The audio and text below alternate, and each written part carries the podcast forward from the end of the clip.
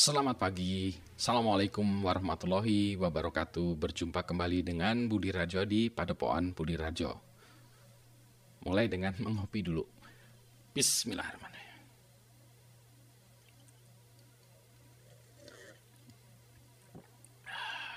Segar kopinya selalu ya kita mulai dengan Pagi dimulai dengan kopi.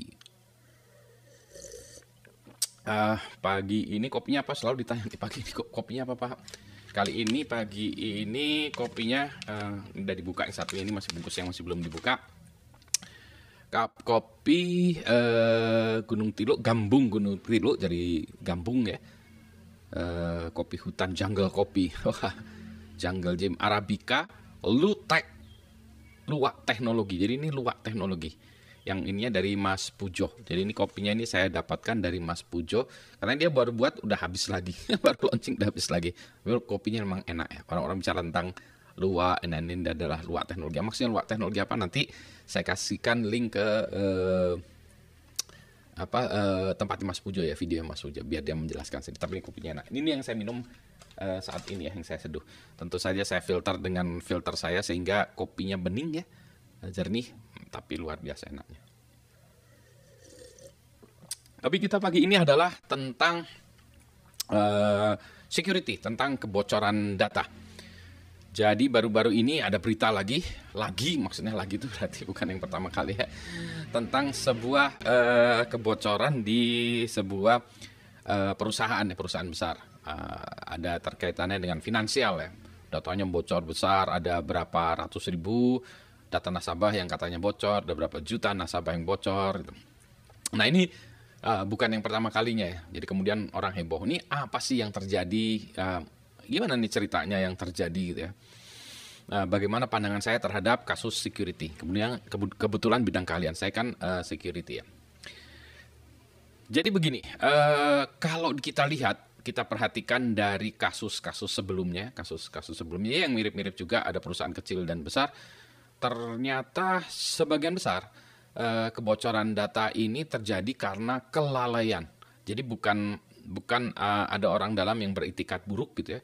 Jadi bukan ada orang dalam yang sengaja ingin membocorkan segala macam, tapi ini kelalaian. Kelalaian itu bisa macam-macam. Misalnya ada uh, ada yang sedang mengupgrade, memperbaharui sistem gitu ya. Kemudian dia lupa nutup pintu belakangnya. Misalnya ada yang uh, ngupgrade sistem pakai remote desktop gitu ya. Nanti remote desktopnya nggak ditutup sehingga orang bisa akses lewat remote desktop atau gitunya lah. Sama lah kalau kita sedang uh, di pembangunan itu ya lagi memperbaiki bangunan itu kan sering keluar masuk truk ya. Pintunya gerbangnya dibuka, nah orang keluar masuk. Sering kali terjadi uh, kealpaan, kelalaian seperti itu gitu ya. Jadi uh, ini yang terjadi. Boleh jadi memang memang sudah terjadi juga kerentanan sebelumnya baru sekarang ketahuan bisa gitu. Jadi ada satu kerentanan yang tidak uh, tidak terdeteksi sebelumnya terus kemudian uh, terekspos. Uh, kenapa itu bisa terjadi? Nah kalau kita lihat memang uh, sistem kompu uh, sistem komputer itu sangat kompleks ya sehingga uh, sering kali susah kita membuat satu sistem yang uh, fully secure 100% secure itu dugaan saya sih nyaris tidak mungkin ya ya kita membuatnya menjadi susah sehingga orang tidak melakukannya, tidak melakukan attack segala macam bukan karena nggak bisa ya, tapi susah atau mahal ya. E, jadi boleh jadi memang terjadi kerentanan dan baru tereksploitasi sekarang. Nah ini biasanya juga e, dikaitkan dengan kelalaian tadi ya, dikaitkannya itu adalah dengan e, e, telat, telat mengupdate sistem kalau kita pakai komputer ya kan kita sering kali uh, ada software update. Nah itu dia. Ya. Software update itu sering kali memperbaiki masalah di sistem. Kadang-kadang masalah kinerja, masalah kesalahan, tapi sering kali juga masalah keamanan, masalah security. Jadi mengupdate uh, software di komputer. Kalau kita bilang uh, service pack atau patch gitu ya. Jadi uh, itu sering kali ketinggalan. Kenapa perusahaan tidak mengupdate? Nah sering kali juga kejadiannya ya kadang ya bukan sering kali oleh yang ini. Kadang ketika di upgrade uh, softwarenya atau sistem operasinya tuh aplikasinya jadi nggak jalan, nggak kompatibel. Akibatnya aplikasi nggak bisa jalan gimana? Ya nggak bisa bisnis proses terhenti. Jadi, nah itu dia. Jadi memang tidak uh, semudah mengupdate apa uh, OS service pack patch itu memang tidak semudah gitu. Tapi memang harus diperhatikan itu ya. Jadi biasanya kalau orang-orang atau di perusahaan itu dia ambil apa uh, updating baru, dia pasang dulu, dia apply dulu kepada mesin di sebuah tempat percobaan atau development. Tes dulu di situ, uh, aplikasi yang dijalankan di atasnya, oke okay, aplikasi sukses, baru dia uh, patch-nya atau service pack itu di roll, dijalankan di uh, mesin production. Gitu ya. Jadi uh, itu juga kejadian-kejadian seperti itu. Jadi kalau kita di rumah sih biasanya umumnya karena tidak sekritikal itu ya berarti kita harus update-nya lebih gampang ya kita update. Sama juga dengan update antivirus. Ini kalau kita sering uh, lihat ya antivirus kita kan kita harus update juga ya. Uh, secara berkala memang ada muncul virus-virus baru. Kayak di kehidupan sehari aja virusnya mutasi. Kalau ini ya virusnya juga mutasi, tapi ada juga orang-orang jahat yang membuat virus baru gitu ya. Jadi uh, antivirus pun harus tetap uh, di diupdate ya secara berkala. Ya, jadi jadi itu sebagian besar itu ya. Um, ada lagi kelalaian yang misalnya uh, user ID dan password mudah ketebak.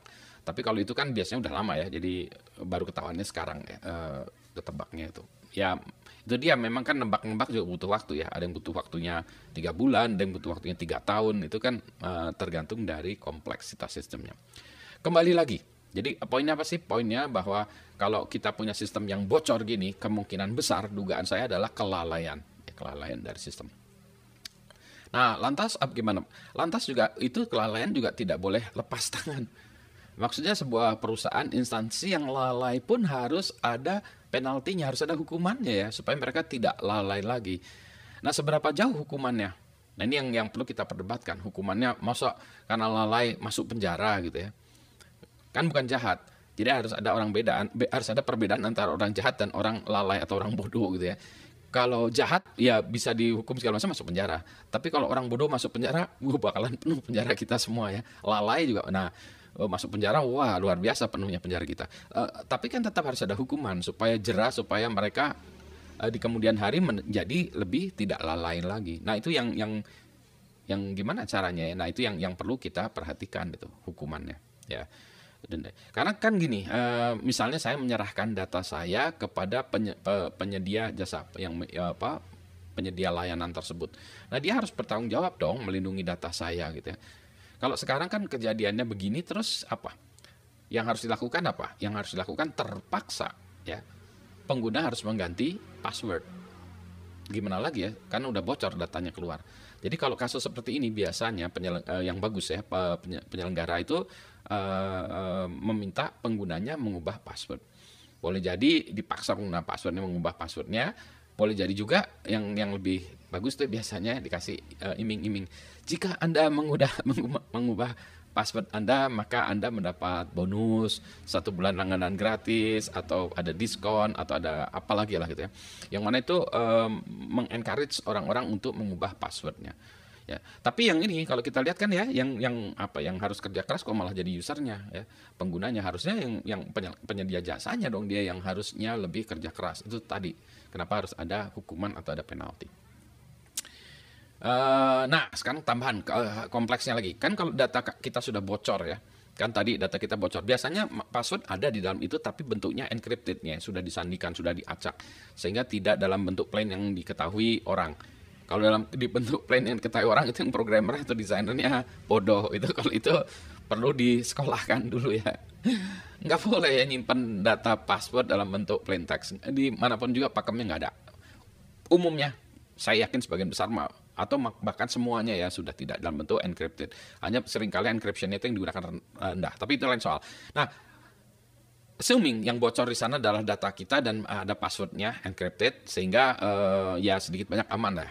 Nah, tapi itu biasanya kalau dari pengalaman yang sudah-sudah, ini juga dari hasil apa ya? Uh, ada waktu itu saya dengarkan presentasi dari peneliti saya lupa ya Swedia, Norwegia atau mana ya, pokoknya daerah sana itu dia mengatakan begini bahwa kalau uh, data bocor uh, encrypted pun maka dalam enam bulan akan keluar versi decryptednya karena orang akan uh, melakukan apa ya, usaha usaha untuk melakukan cracking itu ya rame-rame atau apa. Dan dia menunjukkan uh, banyak uh, apa ya uh, dalam sejarah kasus-kasusnya itu yang dia tunjukkan uh, bahwa iya betul memang enam bulan.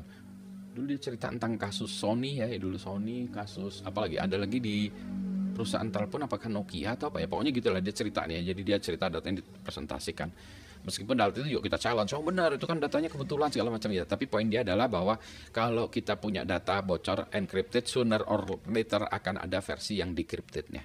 Itu ya poinnya dia gitu. Mau sooner laternya bisa ya tadi 6 bulan bisa betul lebih lama. Dengan kata lain, kalau kita data di tempat penyedia layanan kita bocor, maka kita harus ubah password kita. Harus ubah password kita. Ya, itu poinnya. Ya, jadi itu. Nah, yang repot adalah gini. Ya, kalau password diubah gampang ya data pribadi kita nggak bisa kita ubah. Ya kalau yang bocor ada data pribadi kita, misalnya nah, nama nama bocor oke okay lah ya, nama, alamat email, tempat tanggal lahir. Ya yang susah tuh tempat tanggal lahir. NIK Nah soal NIK ini karena saking seringnya bocor, saya menganggap NIK itu suatu hal yang tidak boleh dijadikan alat untuk uh, apa ya uh, uh, security ya. Jadi anggap aja NIK itu kayak nama kita lah, bocor gitu. Budi Raharjo NIK-nya sekian gitu. Jadi kalau saya tanya dilapor, lapor Budi Raharjo NIK sekian. Jadi NIK kita anggap seperti nama aja deh, udah kita anggap bocor aja gitu ya. Uh, nanti suatu saat diterbitkan NIK yang baru lagi dengan cara yang, yang beda. Nanti kita bahas terpisah soal NIK ini. Uh, anyway, balik lagi. Nah, kalau datanya bocor, gimana nih data kita bocor? Maka kita tidak punya kesempatan untuk mengubah itu. Nah, data pribadi ini eh, menurut saya memang harus dilindungi. Di Indonesia ini sekarang baru tahap rancangan undang-undang tentang data pribadi ini, RUU. Nah, itu isunya akan menjadi lebih berat lagi. Wah, bahasannya kalau ini saya bahas semuanya bisa bisa kayak kuliah dua jam ya. Padahal kan pagi-pagi ya. Maksudnya sambil ngopi, uh, Anda juga sambil ngopi, sambil sarapan dengerin ini. Kenapa jadi complicated gini ya? Ya itu dulu aja lah ya. Seruput dulu sebelum kopinya dingin. Jadi kembali lagi kebocoran data. Kebocoran data anggap aja seperti kesehatan, ya kadang sakit orang, uh, cuma kebocoran data ini uh, jangan dianggap sebagai pembenaran ya, tapi uh, intinya lazim terjadi sih ya untuk perusahaan besar sekalipun yang perusahaan concern terhadap security sekalipun. Nah, dua umumnya uh, uh, eh tadi bukan pembenaran ya, tapi ya itu fakta yang demikian. Yang kedua tadi uh, adalah umumnya biasanya tuh karena kelalaian, kecerobohan ya. Uh, dengan tadi contohnya apa uh, update uh, software yang belum diupdate, patch yang belum update, service pack, uh, antivirus dan lain sebagainya gitu ya yang itu. Uh, yang pokoknya itu ya uh, software belum diupdate. Yang ketiga kalau itu terjadi maka user terpaksa harus mengganti passwordnya. Jadi Anda ganti password lah biar disuruh atau enggak suruh ganti passwordnya. Yang keempat harusnya penyedia jasa itu yang memberikan layanan itu dapat uh, hukuman deh, hukuman atau penalti apa pun bentuknya, uh, denda lah atau apa gitu ya. Dan yang kelima udah. Berhenti aja ya soalnya nanti kalau nggak sampai yang ke 73 sudah sudah sudah saya kita uh, sarapan dulu ngopi dulu. Selamat pagi. Assalamualaikum warahmatullahi wabarakatuh seruput dulu